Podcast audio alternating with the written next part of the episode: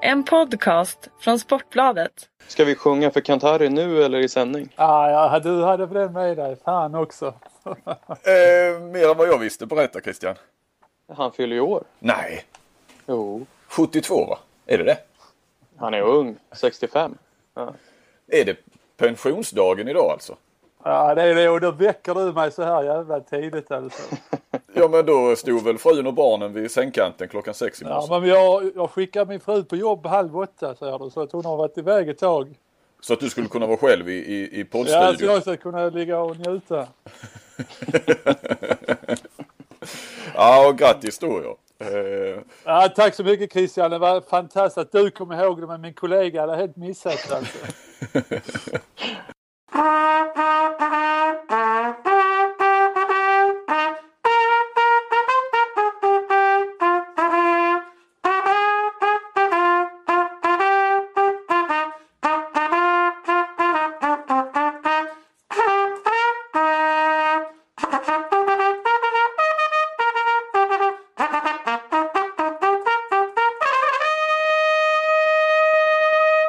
var podden tillbaka. Podden med två av eh, Sveriges skarpaste eh, handbollshjärnor. Ingen av dem eh, tillhör mig, det där kan du ju fråga Rickard Lönn om. Men den, den, ja, de där hjärnorna tillhör istället Kent-Harry Andersson. Ja, det, det säger du det så får jag väl hålla med. Ja, och med oss har vi detta supervalår, mannen som väljer först av alla hela tiden. Christian Andresson. Hallå, hallå. Hallå, hallå. Christian, ska vi ta också bara så vi får det klart. Ditt efternamn. Jag blir lika osäker varje gång jag ska ta det. Hur uttalar vi? Eh, papp, ja, pappa heter Andres och jag är hans son. Så att det blir Andres son.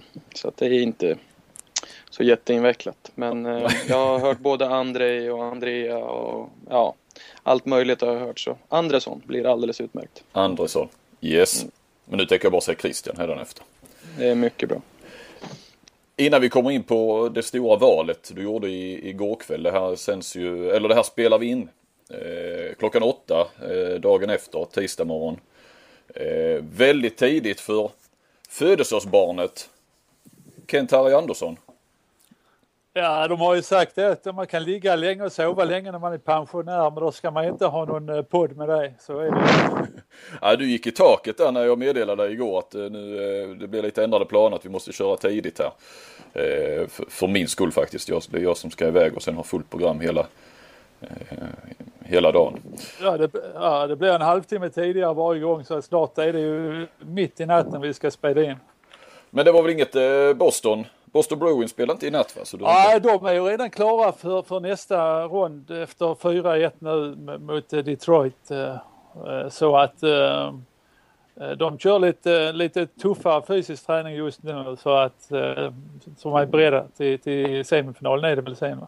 Ja, jag vet inte hur långt alls. Men det är, det är ju rätt skönt för då får man ju sova om nätterna också. Det plingar inte i telefonen hela tiden när, när de gör mål.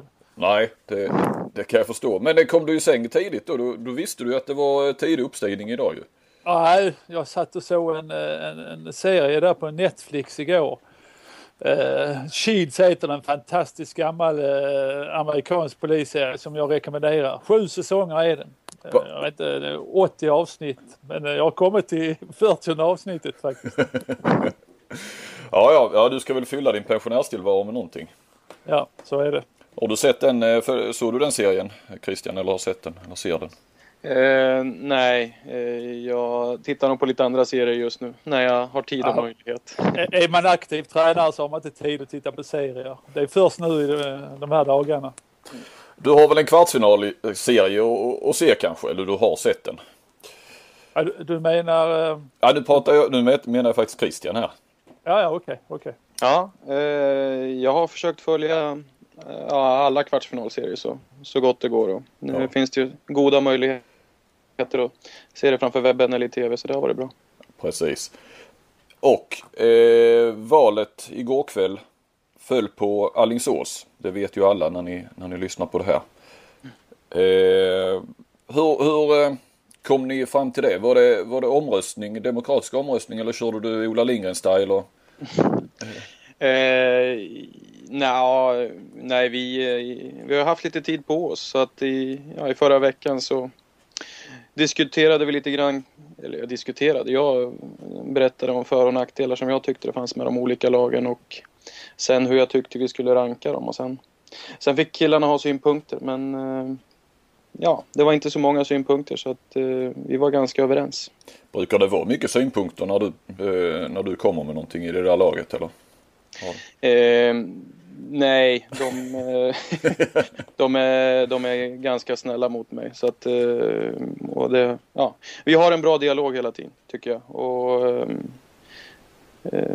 ja, än så länge så verkar det som att de val vi har gjort genom åren så när vi har fått möjligheten att välja så har, inte, har vi aldrig varit icke överens så att säga. Nej. Men du, du Christian, om nu Hammarby hade vunnit igår, hade, mm. ni, trots, hade ni trots det valt Alingsås?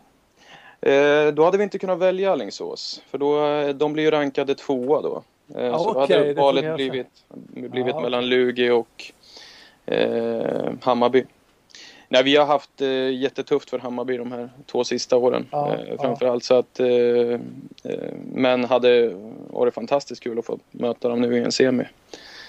Eh, med tanke på den stämning som brukar vara kring de matcherna. Men nu blir det Alingsås och det känns otroligt kul där med. Varför tog ni Alingsås? Du, du drog till mig igår i sändningen att eh, det var resvägen. Det där var väl inte så många som trodde på kanske, eller?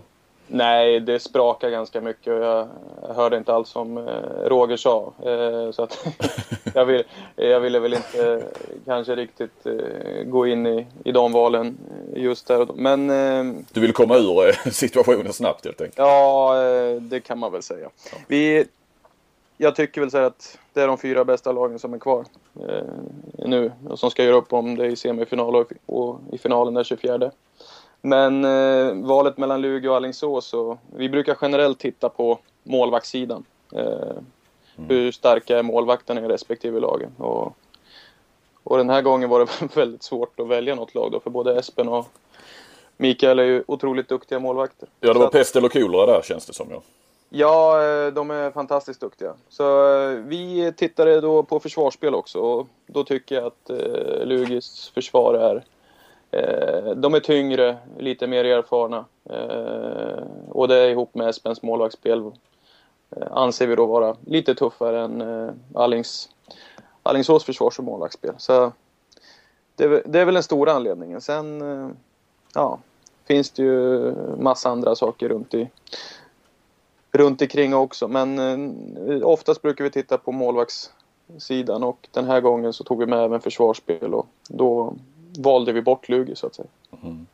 Det var ju i och för sig en väntad, ett väntat val. Va, vad säger du eh, Kent-Harry? Mm. Ja, jag tyckte, tyckte att Malmö avslöjade Alingsås svagheter lite grann va? och då tänker jag framförallt på det uppställda 9 meterspelet. Tyckte man tog bort det väldigt bra och man tog bort Konrad som bra som är väldigt viktig, viktig för, för Alingsås. Eh, sen drog man ner på tempot väldigt mycket men det, det, tror jag inte att Guif kan göra för det är inte deras grej och det är ju en styrka hos Guif också, kontringsspelet. Eh, om man då tittar på, på eh, Guifs svagheter, om man ska kalla det svaghet, så, så, tycker jag att om man tittar på semifinallagen så, så har man nog den eh, fjärde bästa målvakten. Eh, om, om jag då jämför med Beutler, Espen och Aggefors, jag tycker de lagen har riktiga, riktiga toppmålvakter och, och Guif har en bra målvakt men, men jämfört med de lagen så, så är det en liten svaghet hos Guif. vad säger du Christian? Eh, ja, statistik brukar inte ljuga och eh, de tre andra lagen har en räddningsprocent som ligger mellan ja, nästan kring 40 procent och vi ligger väl kring 35 procent på våra målvakter så att eh, ja, eh, vi har vi har en bit kvar till, eh, till det målvaktsspelet. Sen, sen måste jag ju säga att ni kompenserar det här det lite sämre målvaktsspelet med ett fantastiskt bra försvarsspel, vilket jag tycker har varit er styrka i år. Eh, där har ni verkligen utvecklat det. Jag vet inte hur du själv ser på det. Håller du med mig? Det håller jag med om. Vi, eh, vi har jobbat ja, från, förra, eller ja, från i somras med att vi blir mer offensiva i vårt försvarsspel. Ja, borta vi kände väl att det var dags att försöka utveckla oss själva. Ja, ja jag hör ju.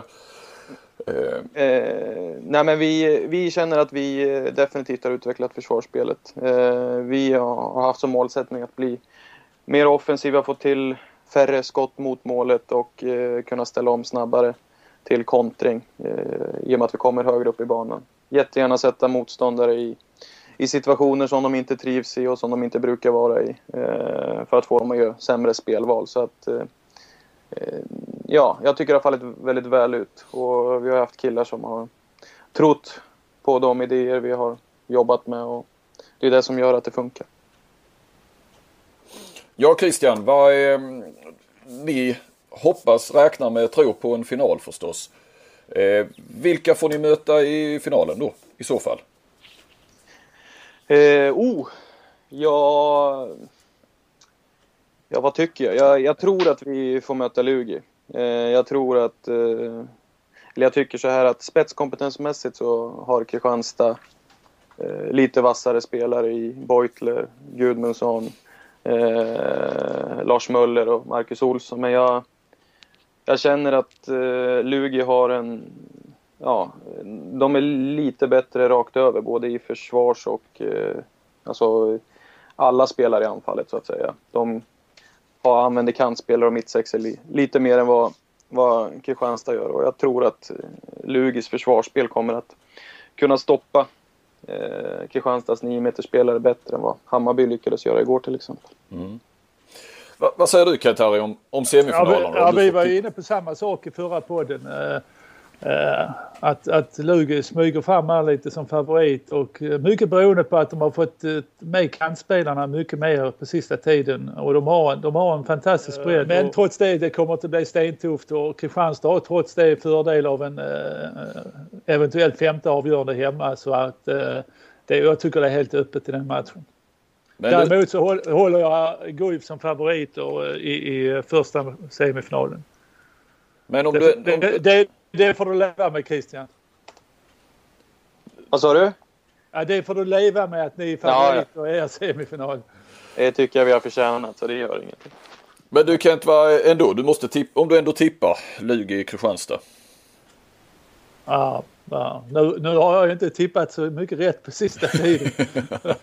men, men eh, så, så, så, säger, jag, säger jag Kristianstad så blir det väl Lugi. Va? Så att, men, men, vi hade ju från början, när säsongen började så, så tippade vi Kristianstad-Lugi i final och vi tippade ju Kristianstad som vinnare så vi väl, får väl stå fast vid det. Ja, ja. Eh, jag har också tippat eh, Kristianstad faktiskt i, i någon typ av spalt jag hade i dagens tidning. Men eh, jag tror att de har rätt mycket mer att ta ut. De är väl de som imponerat minst egentligen sett till sin maxkapacitet. Men jag förstår, eh, förstår helt ditt resonemang Christian också. Hur många matcher eh, är det nu eh, Christian? Är det 19 raka ni har utan förlust?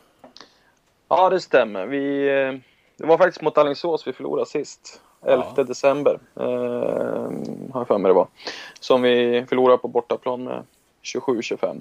Så att ja, det är 19 raka utan förlust jag skrev, jag började titta på det där då för, för någon vecka sedan. Eh, vad det fanns för sådana sviter bak till elitserien och då, då var det väl den här, var det, var det 18, minns jag inte ens själv, 18 matcher RIK hade det här eh, fantastiska RIK-laget får man väl säga. Jag tror det var säsongen 97-98. Plus minus någon säsong där, blir jag lite osäker nu. Har ni kollat upp det närmare eller någon i Eskilstuna om, om eh, längre tillbaka vad det finns? Är, är, är det ett rekord ni ni sitter på? ja, ett, ett rekord i Guif i varje fall. Ja, ja, men... Eh, sen, nej, jag, jag har inte kollat upp det. Vi, det finns en fantastiskt härlig statistiknörd i Eskilstuna som heter Christer Johansson och mm, enligt honom så är det ett rekord. Ja. Eh, och så, så att jag litar på honom. Ja, han, han må vara färgad men det, han är väl förmodligen den som har kollat upp det mest och bäst i varje fall. Jag tror det. Han, är, han har, brukar ha väldigt bra koll på statistiken ändå får man ju lov att säga att ni fortfarande egentligen inte är, tror jag, bortsett förstås eh, eh i Eskilstuna, de stora guldfavoriterna. Ehm, eh, hur, hur, hur känns det? det? Känslan är väl fortfarande att ja, det är de som vinner eh, semifinalen mellan Kristianstad och Lugi som kommer att vara någon typ av favorit i finalen. Vad säger du om det? Ja, jag tycker inte att det är mer än rätt. Eh, Kristianstad och Lugi gör fantastiskt häftiga satsningar inför säsongen och sitter på flest etablerade spelare och eh, ja, eh, den, de trupper som har, upplever jag i varje fall, mest erfarenhet utav den här typen utav matcher och internationella matcher. Så att eh, det är i sig inget konstigt eh, för mig. Eh, sen var de ju de två lagen som drev på mest på, ihop med Alingsås här på, i höstas. Eh, sen när de kom in i Europacupspelet så fick, fick de båda några dippar som vi kunde utnyttja och ta oss förbi i, eh, i serien. Så att, att de är favoriter och mm, tycker inte jag har ändrats någonting. Däremot så tycker jag att eh, vi och Alingsås har närmat oss eh, Lugi och Kristianstad jämfört med vad jag kände i somras. Nu, nu ber du nästan om ursäkt för den här fantastiska sviten men. Nej, det gör jag inte. Alltså, den, eh, den är jag otroligt stolt över och glad över att vi... Men när vi eh, satt i januari och tittade på serien så hoppades vi kunna bli tvåa. Eh, vi tyckte att, vi, att det var ganska svårt läge till att nå Kristianstad. Men eh, samtidigt så förra året spelade vi den EHF-cupen, det här gruppspelet och vet att det, det är inte bara matcherna som sliter utan resorna framförallt eh, sliter i den här Europacupen och eh, ja, de erfarenheterna har vi haft en stor fördel av i, idag, eller har fördel av idag och eh, kunde använda det här under våren när vi inte hade sex extra matcher så att säga utan eh, vi, eh, vi hade serien att fokusera på och killarna har gjort det fantastiskt bra och tycker att vi ja, eh, vann helt rättvis serien till slut. Mm, mm. Det gjorde ni. Nu pratar vi... Du Christian, ja. ursäkta. Ja. Eh, Christian, ni har ju lite erfarenhet nu. Ni hade ett långt uppehåll innan sista matchen här mot Roy för, för att vinna serien. Och nu har ni haft ett eh, liknande uppehåll eftersom ni var klara efter tre matcher. Hur har ni utnyttjat den här tiden? Eh, ja, några har passat på att vara sjuka. Eh, det är väl... okay. Ja, men det är, det är väl sådär. Killar som har spelat väldigt mycket eh, och så börjar kroppen slappna av och då vart de mottagliga för förkylningar och eh, ont i halsen. Eh, annars så har vi försökt eh, träna på med de killarna som inte har, varit så tufft belastade. Och naturligtvis återhämtat de spelare som... Vi hade ett gäng killar som var iväg och eh, var med i landslaget här under landslagsveckan. Eh, ja, Helge Freiman var till exempel borta hela veckan så att där har vi lagt lite mer fokus på återhämtning och uppbyggnadsträning. Eh, så att eh, vi har kunnat, eh, ja det har varit en fördel på så vis att vi har kunnat slicka lite sår och Robin Andersson har kunnat träna på bra under den här veckan. Eh, så jag hoppas att vi ska kunna använda honom mer i semifinalen än vad vi har gjort hittills den här säsongen. Hur är skadeläget? Det är ju alltid en aktuell fråga när det gäller Guif. Eh, ja, Höjker är borta med sitt korsband. Rickard Larsson är borta med sin hälsena. Eh, annars så är har jag alla tillgängliga inför eh, fredagens match. Så Jesper Lindgren är tillbaka från sin handskada. Eh, mm. Robin har tränat på bra. Så att eh, det ser väldigt bra ut. Jag såg Robin var inne lite i senaste matchen mot, mot RIK men eh, jag tyckte han verkar väldigt ringrostig. Jo, men det är han också. Det ska han väl vara med, med all rätt. Men jag, jag investerade lite speltid i honom. Jag hade det här varit en vanlig seriematch eh, så hade jag nog inte spelat honom för han hade bara tränat i tio dagar. Eh, ja. och, Men har du, har du hopp att han ska kunna till eventuell final att han ska kunna vara tillbaka i gammalt gott slag då? Hinner han det? gammalt gott slag. Eh, om man jämför med när han var landslagsspelare så då tror jag att han har en, eh, en hel säsong framför sig där han behöver träna bra och få kontinuitet ja. i sitt spelande. Ja. Men däremot så har han ju en otrolig spetskompetens eh, och erfarenhet som inte våra, eh, våra andra 9 spelare har. Och han kommer kunna tillföra massor i... Ja, det kan vara lite joker i en eventuell final kanske. Jo, men absolut. Det är fortfarande så att det är Helge Freiman, Viktor Östlund och de andra 9 spelarna som har gjort det större delen av säsongen som ska fortsätta göra det för oss. Men i Robin får vi en, eh, ja, en eh, fantastisk, ja om man vill kalla honom för, för joker. Alltså han har en otrolig spetskompetens och det, den har jag ju sett på träningarna innan han gjorde illa sig mot Sävehof. Eh, då han tränade ja, en dryg månad, månad innan vi satte honom i spel. Så att det är klart att det kommer ta tid för honom och det kommer att uh, se tungt och trögt ut. Men han kommer att kunna tillföra massor under det här semifinalspelet. Ja. På tal om semifinal då, nu, nu kallar vi Kristianstad och Lugi en drömsemifinal här eh, lite till mans kanske i medialt åtminstone. Hur, hur, hur känns det Christian att leva i någon form av medial skugga i varje fall eh, om vi tänker på, på riksnivå. Jag vet ju att ni har era, eller lokaltidning och sånt eh, hemma i Eskilstuna. Kan, kan ni bli avundsjuka ibland på, på det fokus som ligger kanske framförallt på Kristianstad och, och Lugi?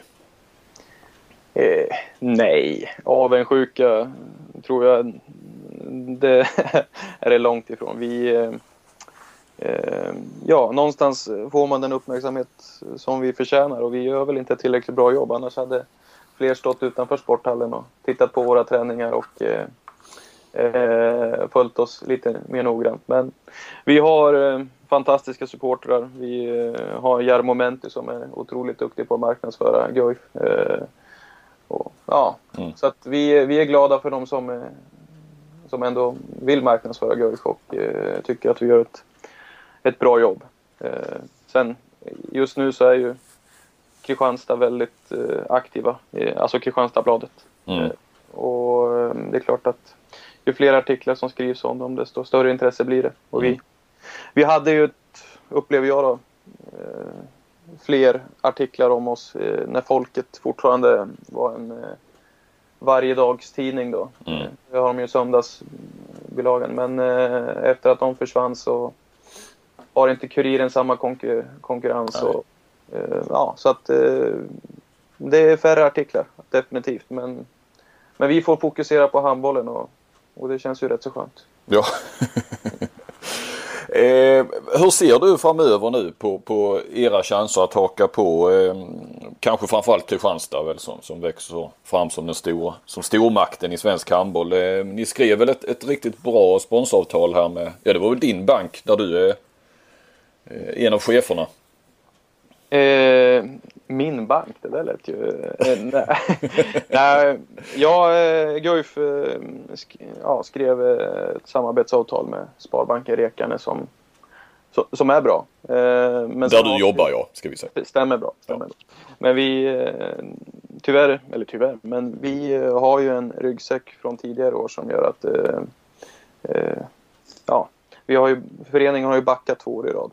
Ja. Så att det är inte bara så att alla pengar kan direkt användas till eh, att skapa ännu bättre förutsättningar. Men eh, det, det, som har hänt är att vi kan erbjuda spelare att välja om de vill jobba eller om de vill satsa ännu mer tid på sin handboll. Eh, och det känns kul att nu har vi flera killar som nu kan, kan då leva på sin handboll. Eh, inte att de kan lägga undan massa pengar men de kan välja om de vill jobba eller bara spela handboll. Så det känns faktiskt kul. Mm. Vad, vad, vad händer med, med den nya arenan? Eh, blir det ni eller Ystad som, som eh, där den första är färdig? Ja, eller sist. ja, eh, den, eh, nu är datumet 2016. Eh, hösten 2016. Och eh, jag vet inte, under de här åren som jag har varit tränare så har det varit 2013, 2014, 2015 och nu är det 2016. Så att vi får väl se helt enkelt. Det, jag vet att det ligger en överklagan för, angående bygget då, från, en, från en granne till den nya arenan. Eh, jag vet inte vad överklagan gäller men, men det är väl det som, bland annat som försenar.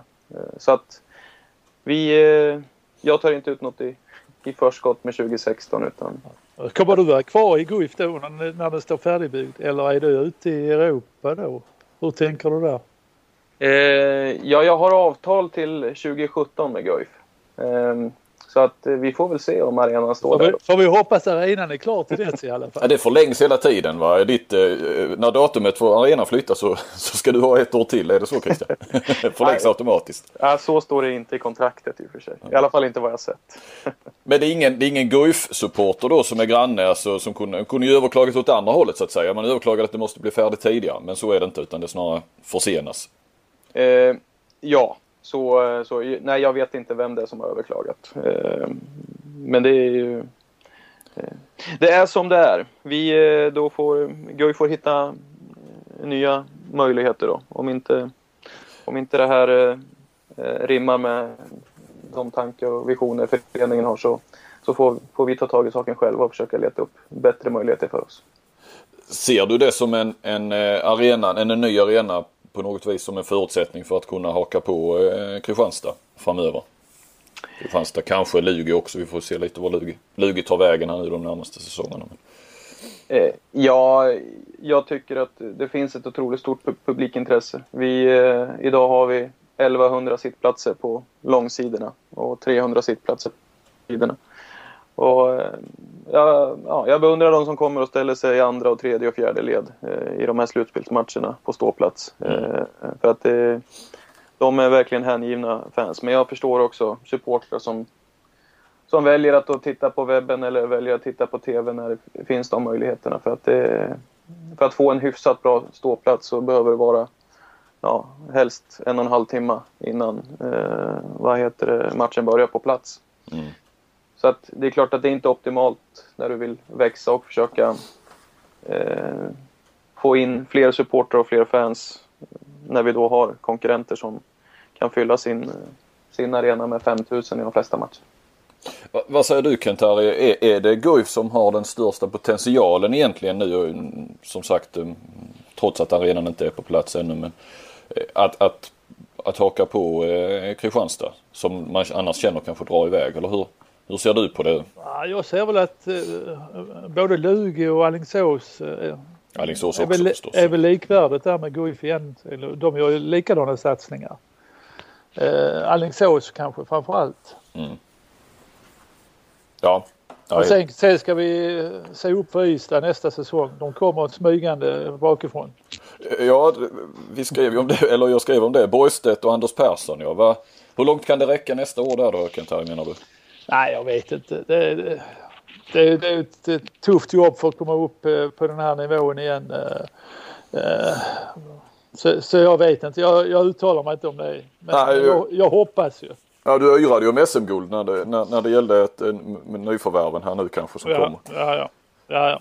Det, det, nu var du inte så pigg på att prata om Ystad tillbaka lite där ja. Men, men jag tror i, i och för sig att det blir ett skånskt eh, SM-guld i år. Ända sedan 92. Så att eh, sorry där Christian men det, det, blir så. Ja det låter fint. Ja, det undrar jag dig. Och Christian älskar att få slå underläge. Fan vad vi lägger ja, upp, ja, vi ja, peggar vi, upp bygger, här nu. Vi bygger upp på dem nu här. Ja. Har ni guckburk hemma? Christian på tal om eh, banken, din eh, arbetsgivare. Är det där du eh, samlar alla dina pengar? samla mina pengar. Ja, eller jag... Hur kändes jag... det? Jag ska ju bara säga vad jag refererar till. Är ju vi, vi, eh, Sportbladet gjorde en genomgång på, tittade på Skatteverkets alltså inkomstlistorna där och så gjorde man en, en lista över alla, vad alla i handbolls, eh, handbollens elitserie tjänade och eh, nu var det ju siffror bara från 2012 och där var du var bäst betald av alla Christian. Eh, du var, blev uppringd av min kollega men var inte alls pigg på att snacka om, snacka om din lön. Eh, ja, alltså det där är ju rätt så roligt för att det här är måndagen innan vi ska möta Drott på tisdag och spela för en serieseger och vi har väl då vunnit 14-15 raka eller något sånt där i, mm. i serien. Eh, och jag visste att Aftonbladet hade sökt mig under dagen och när jag då efter träningen får eller ja, eh, får möjligheten att prata med, med er, jag kommer inte ihåg vad han heter som ni, jag pratar med, så börjar vi med att prata lite om matchen och sen så, men det är inte därför jag ringer. Eh, och sen då, eh, ja du tjänar bäst i elitserien. Så att vi kan väl säga att jag var inte riktigt, eh, det var inte riktigt min förväntansbild att det var det vi skulle prata om. Jag hade någonstans hoppats på att få eh, berätta om hur stolt jag är över att vi skulle kunna vinna serien och att eh, vi såg fram emot den här matchen imorgon mot Drott. Men då var det mer intressant att eh, veta vad jag gjorde på banken eller hur mycket jag tjänade. Så så jag var, jag var, inte, jag var inte med på frågan helt enkelt. Nej, nej. Inte, inte överrumplad vid morgonkaffet utan snarare där på vägen, på vägen hem från träningen. Ja okej. Okay. Ja ja så att eh, chocken kom inte när rubriken eh, kom där nej, utan du. Hur, hur togs det emot eh, bland killarna att eh, de fick reda på att du tjänar sådana miljoner? Vad, vad sa de? miljoner? Vi ska väl säga att det handlar om 700 000 va? Någonting. Ja, okay. ja. Eh, nej jag har ju haft förmånen att ibland hamna på eh, lister eh, över, nu är jag ju 33 år gammal men innan jag fyllde 30 så. Ja de där listorna ja. ja Tjänar bäst under 30 ja. Ja, så att det är väl mest Zacke som har haft synpunkter på det där. Eh, men eh, genom åren. Men annars så eh, är det, är det ganska lugnt. De vet att jag jobbar hårt killarna. Ja. ja, du är väl värd alla pengar du tjänar. Tack du.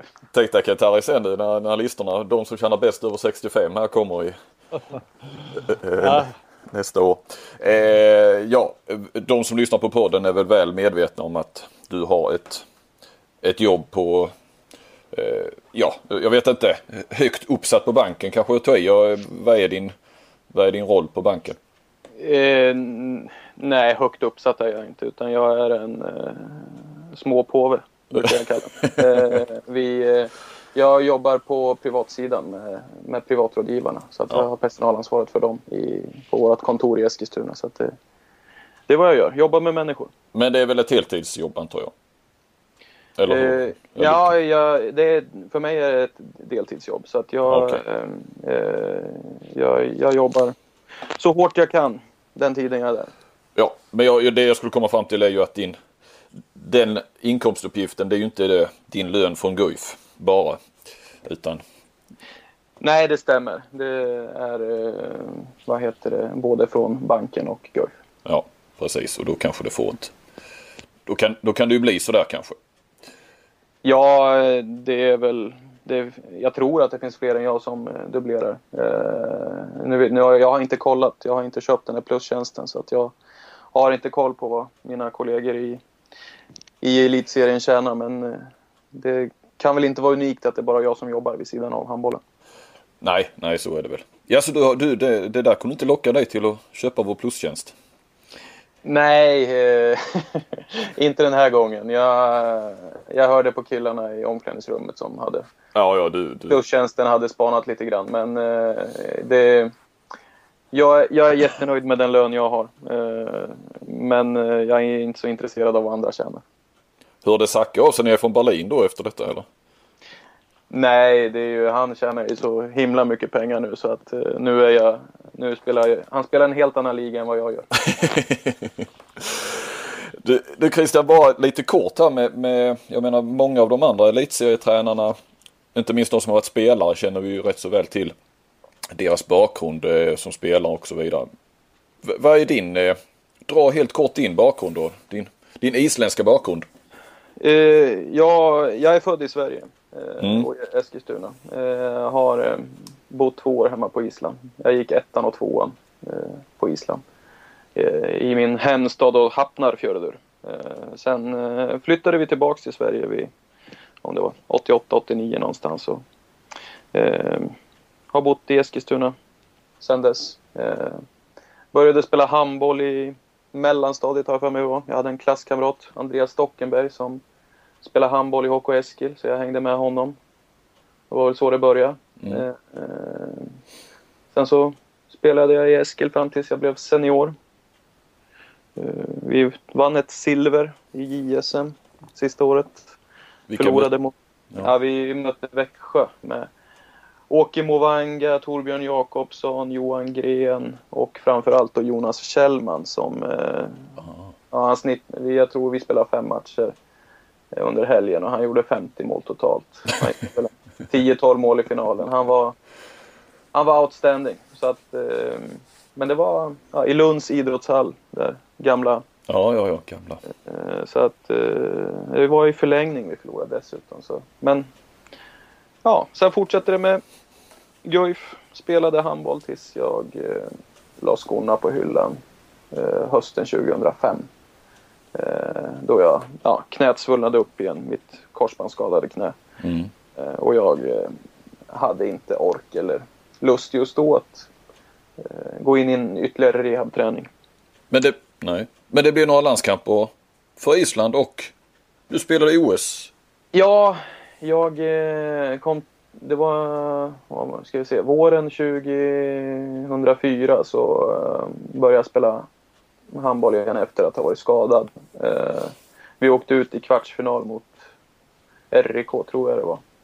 Så att vi hade väl eh, kört fysisk träning och eh, spelat lite fotboll i ett par veckor och sen skulle jag åka till Liverpool och se Liverpool-Newcastle 2004, sista matchen på Anfield Road.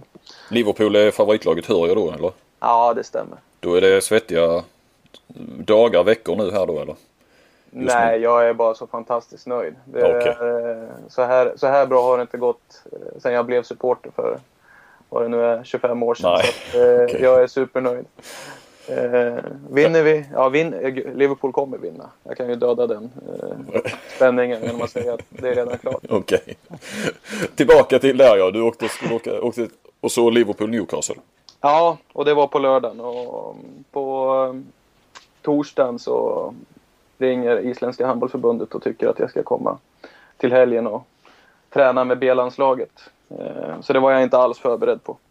Men eh, efter matchen på lördagen så åkte jag dit på söndagen och så tränade jag en hel vecka eh, med B-landslaget och vi spelade en turnering i Belgien.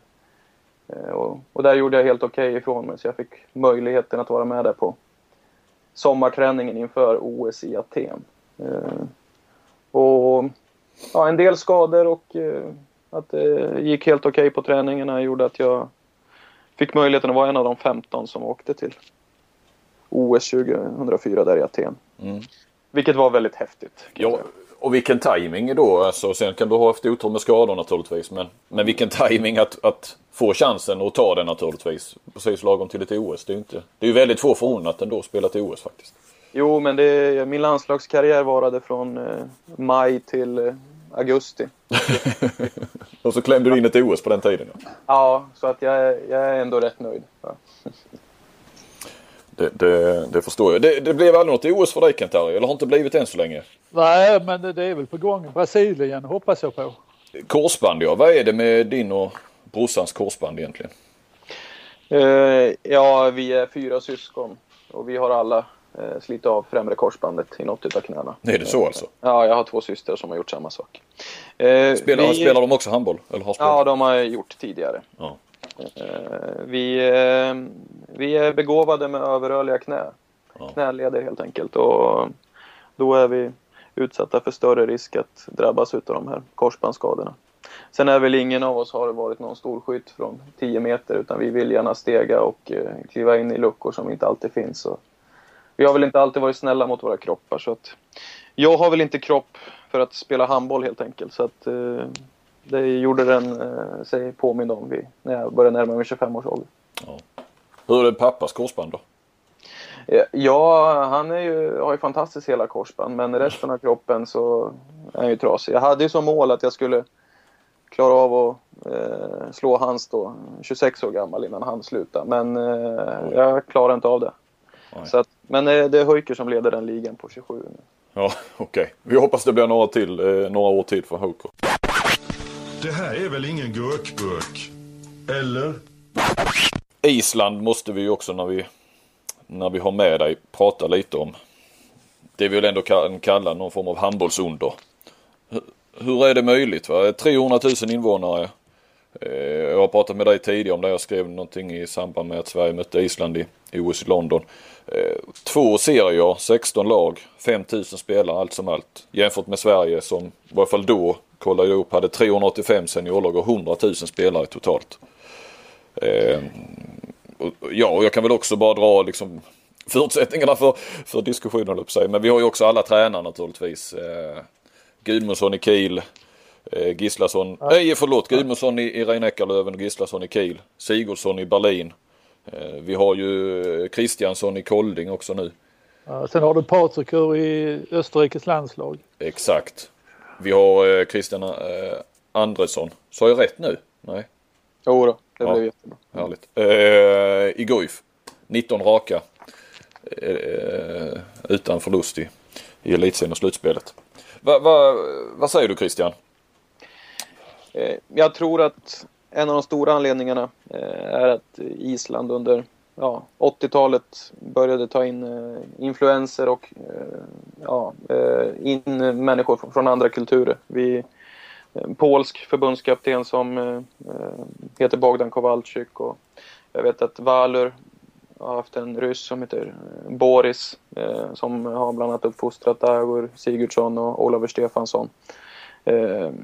Så att jag tror att det är en av de stora nycklarna. Sen har de här killarna som har haft Bogdan till exempel, Gudmund och Gudmundsson och Alfred Gislason har, har ju förvaltat den kunskapen på ett väldigt bra sätt. Eh, sen är det ju att det finns bra förutsättningar på Island att utöva handboll. Vi, I min hemstad Hafnarfjörður så finns det tre, tre hallar som, eh, eller varav två av hallarna tar 2 500 eh, åskådare och eh, hur stor är din hemstad?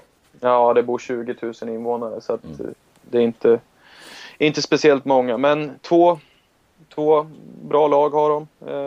och, ja, men just träningsmöjligheterna tror jag. Alla får vara med. Mm. Och men... det blir ju inga stora led i, hemma på Island utan de är så få på träningarna så att alla får skjuta väldigt mycket och det tror jag också är mycket. ja, isländska skyttet känner vi ju till. Mm. Och sen, sen, får man inte ett speciellt psyke också när, när man bor där mitt ute i Atlanten på en ö där det blåser och regnar alltid. Man, man blir mentalt stark på något sätt och jag tycker det kännetecknar väldigt mycket isländska spelare som jag har varit i kontakt med. Ja, jag upplever att det är en helt annan kultur på de isländska spelarna eh, jämfört med alltså det jag är van i Sverige. Eh, ja. Det, är, det är hårdare jargong i träning, i eh, matchspel. Sen, de har väldigt lätt att lägga ja, att skilja på privatliv och eh, handbollsliv. Eh, så att eh, när det är träning så är alla eh, smäller de på varandra ordentligt och skäller ut varandra efter noter. Men sen när mm. träningen är slut så är man är de bästa kompisar. Och jag tänker på en sån som Olav Gudmundsson som fick ganska tuff kritik eh, efter fjärde matchen i, i Stockholm. Och ja. Han svarade upp ganska bra igår kan man ju säga. Ja, verk, verkligen. Så att eh, de, det, och det är därför jag tror att de, väldigt många islänningar lyckas i Tyskland. För att de har det, det psyke som krävs. Ja. Jag kan ju dra den, jag vet inte om jag har gjort det någon gång, kanske till och med i podden här, men jag kommer ihåg när Stefan Rehn, fotbollsspelaren och sedermera tränaren, tog, tog över Djurgården och han plockade in flera isländska spelare och så vet jag att jag ringde honom efter någon träningsmatch och frågade ja, hur, var, hur är eh, islänningarna då? Vad tycker du om dem? Är helt otroliga. Du kan, sätta en, du kan sätta en kniv i ryggen på dem och de fortsätter springa. Sa väl också någonting kanske om, om det isländska kynnet och, och hårdheten och så. Eh, ja, intressant. Vad säger du Kent? Vad har du för erfarenhet av, av eh, islänningar, spelare, tränare, kollegor? Ja, jag, jag hade ju två stycken i början, det var i mitten av 80-talet. Då var du knappast eh, född Christian. eh, då hade jag faktiskt, eh, då tränade IFK Malmö herrar då och då hade jag två isländska spelare där. Den ene heter Torbjörn Jensson och han var mittsexa. Hade absolut noll bollsinne men var en fantastisk försvarsspelare och, och fighter. Han blev, han blev senare också förbundskapten i, på Island faktiskt. Kommer du ihåg honom Christian? Jajamän, han eh, ja. hade ju isländska landslaget 97 i Japan. Ja, ja. ja det stämmer, det stämmer. Och sen eh, hade jag även en, en som heter eh, Gunnar Gunnarsson. Eh, hade jag i Malmö då. Sen tog jag med honom till Ystad också i två år när jag tränade Ystad. Och sen tog han över för, eh, för mig som tränare i Drammen när jag flyttade till Tyskland. Eh, är fortfarande en väldigt, väldigt god vän till mig och när jag var på Island eh, och spelade eh, Champions League där med Flensburg så, så träffades vi och det var himla kul. Och han gifte sig faktiskt med, med, en, med en svensk tjej som, som flyttade med till Island och de har bott där sedan, ja vad är det nu, sedan mitten på 90-talet. Och det brukar vara omvänt att man flyttar till Sverige men de flyttade till, till Island och bor kvar där. Mm. Känner, känner du till honom Gunnar Gunnarsson?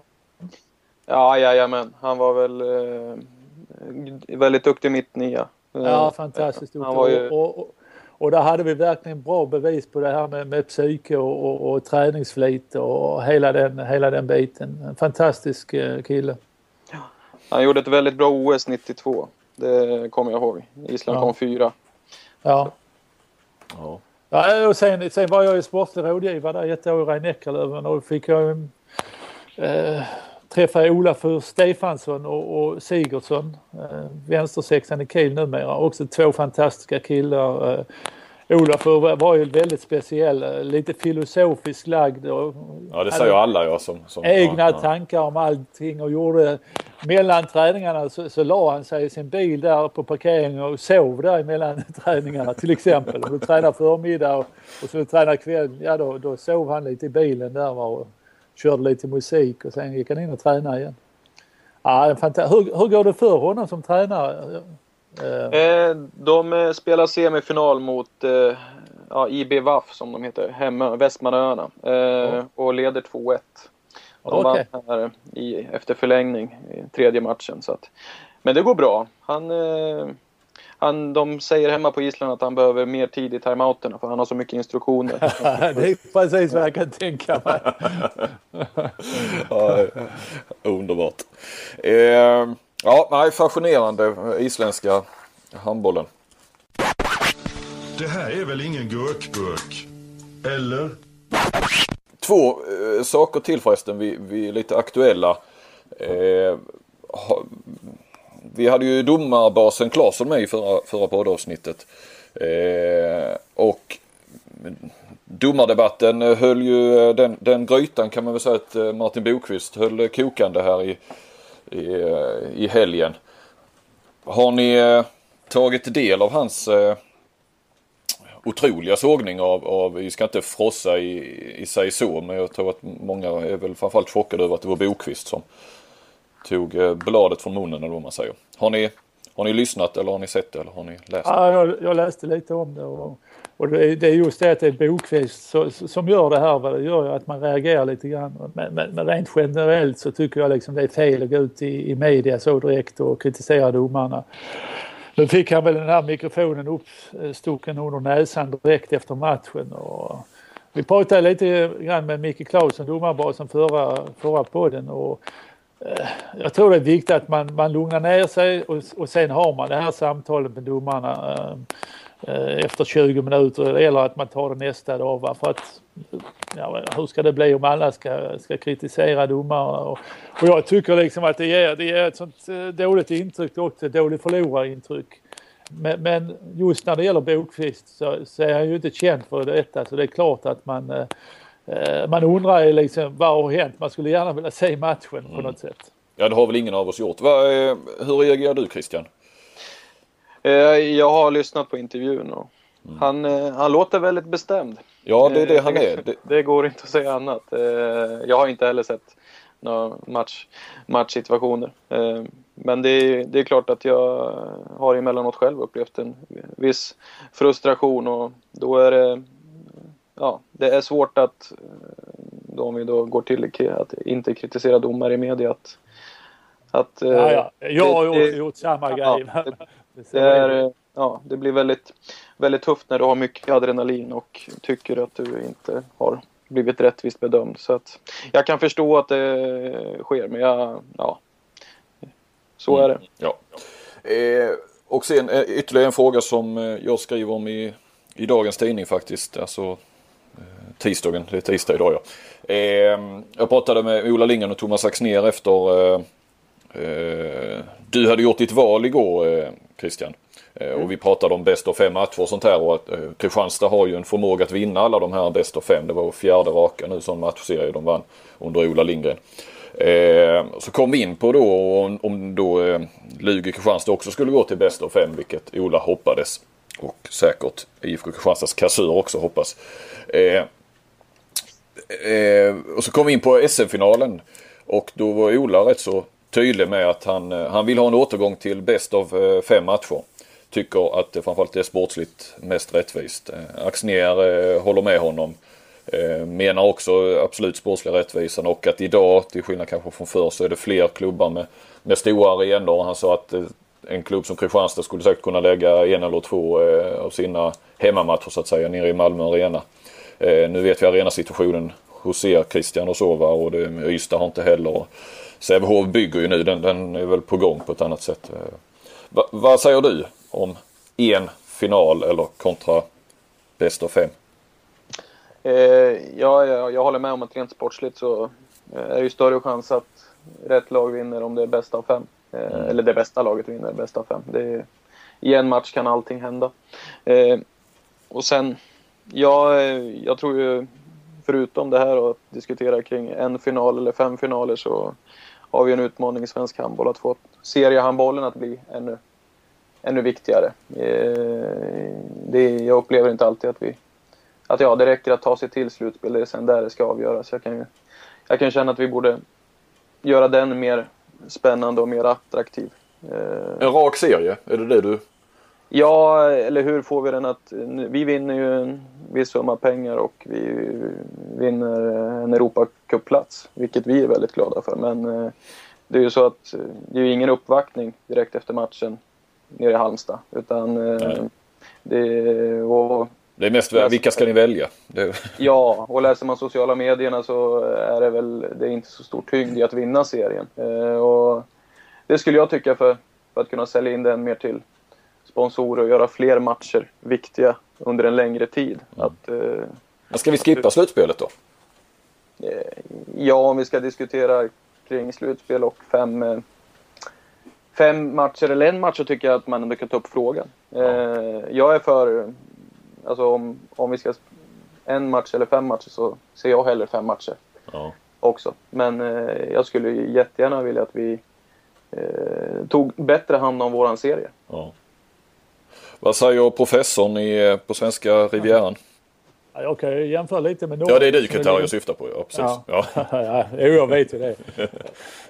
Om man jämför med Norge så är det ju tvärtom där. Där har ju, har ju serien väldigt status medan däremot slutspelet, ja, det är bara någonting man genomför i stort sett. Inget, inget media, eh, helt ointressant egentligen. Spelarna lägger av mer eller mindre både mentalt och fysiskt. Och, och, och, och de har ett problem där också. De vill ju, de vill ju få mycket mer status på, på slutspelet till nästa år. Och, eh, det är svårt. Det är svårt att ha status i både och tror jag. Eh, eh på något sätt. Eh, sen tycker jag också att eh, fem matcher är definitivt eh, sportsligt och så vidare. Men det förutsätter ju kanske lite grann också att det är rätt lag som går till final då. Jag menar Malmö mot RIK till exempel. Hur mycket folk kommer där? Va? Men hur många, hur mycket hade kommit till eh, om det hade varit en final i, okej i Malmö. Eh, hade väl Ja. kanske just i Malmö eh, sådär. Ja. Det finns ju också en, en, en risk där i, i eh, när det är en final. Eh, att det blir två lag som inte ens hör hemma i stan och som där inte intresset är så stort. Nu har det ju varit ett stort intresse Kristianstad ett par matcher. Eller ett par finaler och så vidare. Men det är ju frågan, Guif Alingsås, nu, nu har man väl sålt rätt mycket biljetter ändå till här i Malmö. Men, men det förutsätter nog ändå att det är ett skånskt lag med. eh, Nu, nu blir det ju det i år va? men, men eh, eh, ja, jag vet inte, det är, en, det är en svår fråga det där. Och, eh, men jag håller definitivt med att eh, det, finalen borde vara i fem matcher som, i, som i ishockey. Har ni gurkburk hemma? Nu har vi Final Four-lagen klara. Champions League och även i, i OF-cupen förstås. Eh, Ja. Flensburg, Kiel, Barcelona, Veszprem. Eh, Ja. Nu är det ju så också att om när detta spelas in så är det tre timmar kvar till lottningen. Så vi, först då vet man ju vilka som eh, spelar eh, i semifinalerna. Hur, hur de blottas mot varandra. Så att eh, det är ju egentligen omöjligt att tippa hur det ska gå innan vi vet vilka som ska mötas i semifinalerna. Men, eh, vi kan ju ändå utse en, en eh, vilka är favorit att vinna alltihopa? Säger- Ja, jag vet inte. Jag säger så här, jag tror inte Kiel kommer att vinna men jag tror de övriga tre lagen har en god chans att vinna. Jag tycker inte Kiel räcker till, det har jag sagt många gånger. Ja. Eh, sen, sen var det ju fantastiska semifinaler de här som avgörs på flest gjorda. Kvartsfinaler, ja. Mm. Ja, ja kvartsfinaler. Alltså det var ju helt otroligt. Både Barcelona, rhein Eckerlöven och, och Vardar Flensburg. Där det då avgörs på flest gjorda mål på bortaplan. Ja. Såg du, eh, såg du någon av kvartsfinalerna Christian? Eh, det gjorde jag. Eh, jag såg, eh, ja, jag tror jag har sett alla eh, kvartsfinaler nu. Eh, om inte live så eh, i efterhand. Eh, Okej. Och eh, det känns väl som att, ja, eh, jag hade hoppats på Löven mot Barcelona. Ja, förstås. eh, Men eh, där så orkar de inte riktigt de sista tio minuterna. Och sen har ju Barcelona för mig då världens bästa målvakt i i Sterbeck. Halvskadad så gör han ändå fyra räddningar där sista, sista tio som blir direkt matchavgörande. Så. Och jag tror att det är han som är nyckeln för dem i, i Final Four också. så Att de har bäst målvaktsspel och därefter tycker jag väl Veszprem, Flensburg och Kiel har, ja, eh, de har högst spetskompetens på första, första sexa men eh, får, Johan Sjöstrand behöver spela väldigt bra i mål för att de ska ha en chans att gå till final. Du är lite inne på Kentari-spåret där när det gäller Kiel. Det är nästan så att de andra tre är större favoriter än Kiel i år. Nej, jag tycker med, med tanke på de skadebekymmer Kiel har haft i år och att den förändring de försöker göra med eh, ta in några yngre där, bland annat han Tunisien där, Wael Jalouch, så har de inte samma bredd och inte samma målvaktsspel som de hade sist de vann eh, Champions League. Nej, precis. Ska vi dra lite snabbt också. I IOF-cupen eh, lottas också om ett par timmar. Eh, Final Four. Men vi har ju Montpellier, Berlin, Pick och Constanta där. I, final, eh, ja, i semifinal. Eh, favorit Kentari? Eh, Berlin. De har hemmaplan och kommer nog att vinna det här.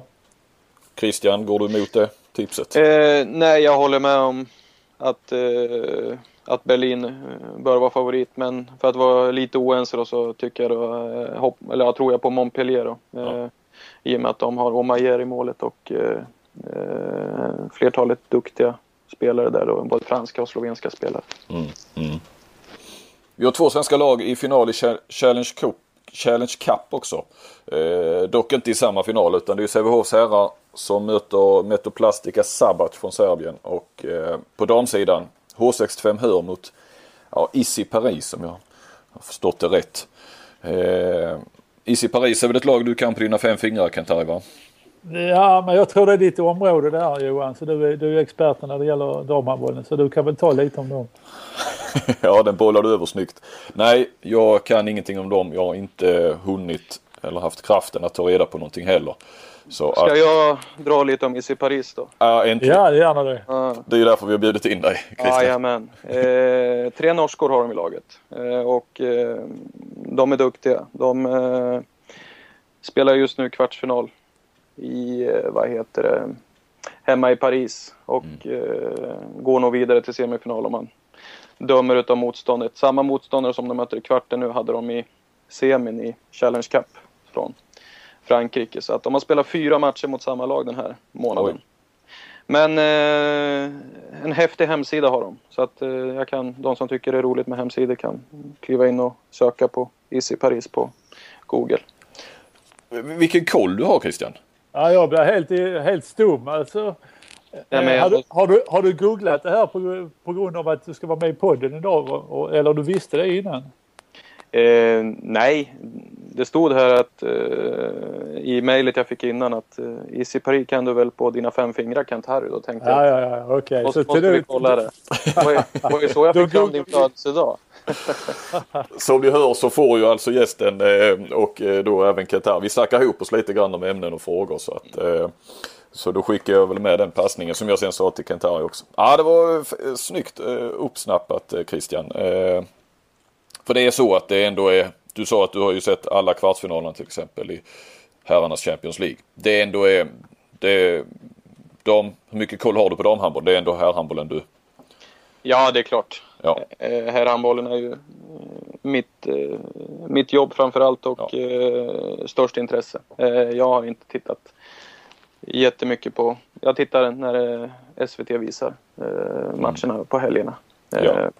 Sen vet jag inte om man har samma möjligheter att titta på webben på damhandbollen som herrhandbollen. Men Alltså i, det är inte riktigt samma. Tänker, nej, så är det jag, jag, tänker, jag tänker här i Sverige. Ja, precis. Nej, så är det ju. Och vi har väl då kanske också ett, ett problem, jag och Kent med att vi är väldigt fokuserade på, på, på herrhandbollen i, i den här podden. Men det, det speglar väl intresset som finns också kanske i, i handbolls-Sverige. Å andra sidan kanske vi borde kunna göra mer för damhandbollen. Men det är en annan diskussion. Sävehof. Vi, vi har ju haft både Bella Guldin där och Henrik Signell har vi haft som gäster. Så att vi har ju Absolut. varit med lite grann. Vi har haft Torbjörn Klingvall också. Ja, Klingvall hade vi en annan damtränare. Ja. Eh, Sävehof Metoplastica. I här, i Challenge Cup. Vad, har ni någon uppfattning där? Nej, jag, bara, jag bara tittar lite grann på, på eh, motståndet som, som Sävehof hade där i, eh, i semifinalen. Eh, eh, heter de va? De, blev, de blev femma i eh, polska ligan. Eh, jag kan tillägga där att eh, Sabratse som, som tränas av Patrik Liljestrand, de blev trea i ligan. Eh, så jag- vet inte standarden egentligen där men Patrik brukar säga till mig att det, det finns ju Wisla Plock och det finns Kielse som är riktigt bra lag och sen är det väl ja, mer typ svensk kvalitet på lagen i, i ligan. Eh, så Sävehof starkt att vinna borta ändå men eh, Metroplastica har jag faktiskt ingen aning om. Eh, de borde väl ha blivit då fyra, femma i, i serbiska ligan och eh, jag tror nog man har en bra chans om, om man tittar på pappret. Christian, har du någon koll på, på? Ja, jag tror också att Sävehof har en jättebra chans att vinna. Eh, om man bara kollar målskyttar här i Challenge Cup och Metoplastica så är det väldigt mycket ytternierna som eh, gör målen, både från vänster och höger. Mm. Eh, och det tror jag passar Sävehof ganska bra med killar som vill eh, komma in i banan och skjuta. Om jag, nu är det här en, eh, en, en Google-undersökning så att det, Ja. jag, har, jag har inte sett nå- någonting. Men eh, jag tror och hoppas att det är ett stort, tungt fysiskt lag som eh, skjuter mycket och Peter Johannesson kommer att rädda massa skott utifrån och så blir det snabba kontringar på Viktor Ottosson, eller på Ottosson och Viktor Fredén. Vilken analys. Tack vare Google. Snyggt. Ja, du har ju viss, du har ju viss koll på Sävehof också. Det, det, det är inte bara byggt på Google där. Eh, då tror jag det är dags att, att sätta punkt och eh, tacka herrarna för, för, den här, för den här podden. Vad eh, händer nu? Hur ska Kentari fira sin eh, bemärkelsedag? Eh, jag tänkte Du faktiskt... går och lägga dig igen nu och sova Nej, nu ska jag faktiskt gå på driving rangen för jag har en viktig golfmatch imorgon så jag ska förbereda den lite grann. Ja, jag har förstått du har en del att träna på. Träna lite puttning och inspel. Ja. Christian, vad, eh, Eh, dagen består utav... du ska räkna jag- pengar nu. Ja, nej, det behöver jag inte göra. Men däremot så ska jag ha lite medarbetarsamtal. Eh, och sen så är det träning i eftermiddag och så blir det eh, att eh, spana in Alingsås. Men det har ni kunnat göra rätt länge som sagt. Ni bestämde er för länge sedan. Så att eh, ni har kunnat förbereda Eh, på Alingsås rätt länge va? Ja det är ja, klart. Det, det kunde ju blivit Malmö också. De spelade ju lördags mot Malmö så att eh, nej, vi, jag har eh, inte gått på djupet än eh, vad det gäller Alingsås utan jag har tittat på en del matcher. Men både på Malmö, Alingsås och även Hammarby som jag eh, visste var aktuella. Eh, men eh, till matchen någon gången imorgon så tänker jag full koll. Strålande. Tack ska ni ha och eh, så är väl podden tillbaka nästa vecka med eh, mitt i semifinalracet. Ja, Eh, och det, det blir en eftermiddagspodd då eller? Eh, jag lo- jag lovar ingenting. Det kan bli kan gå en halvtimme bak. Det kan bli halv åtta Kent-Harry. Eh, lycka till här nu eh, mot Alingsås Christian. Tack så mycket. Ja, Tack lycka till Christian. Tackar.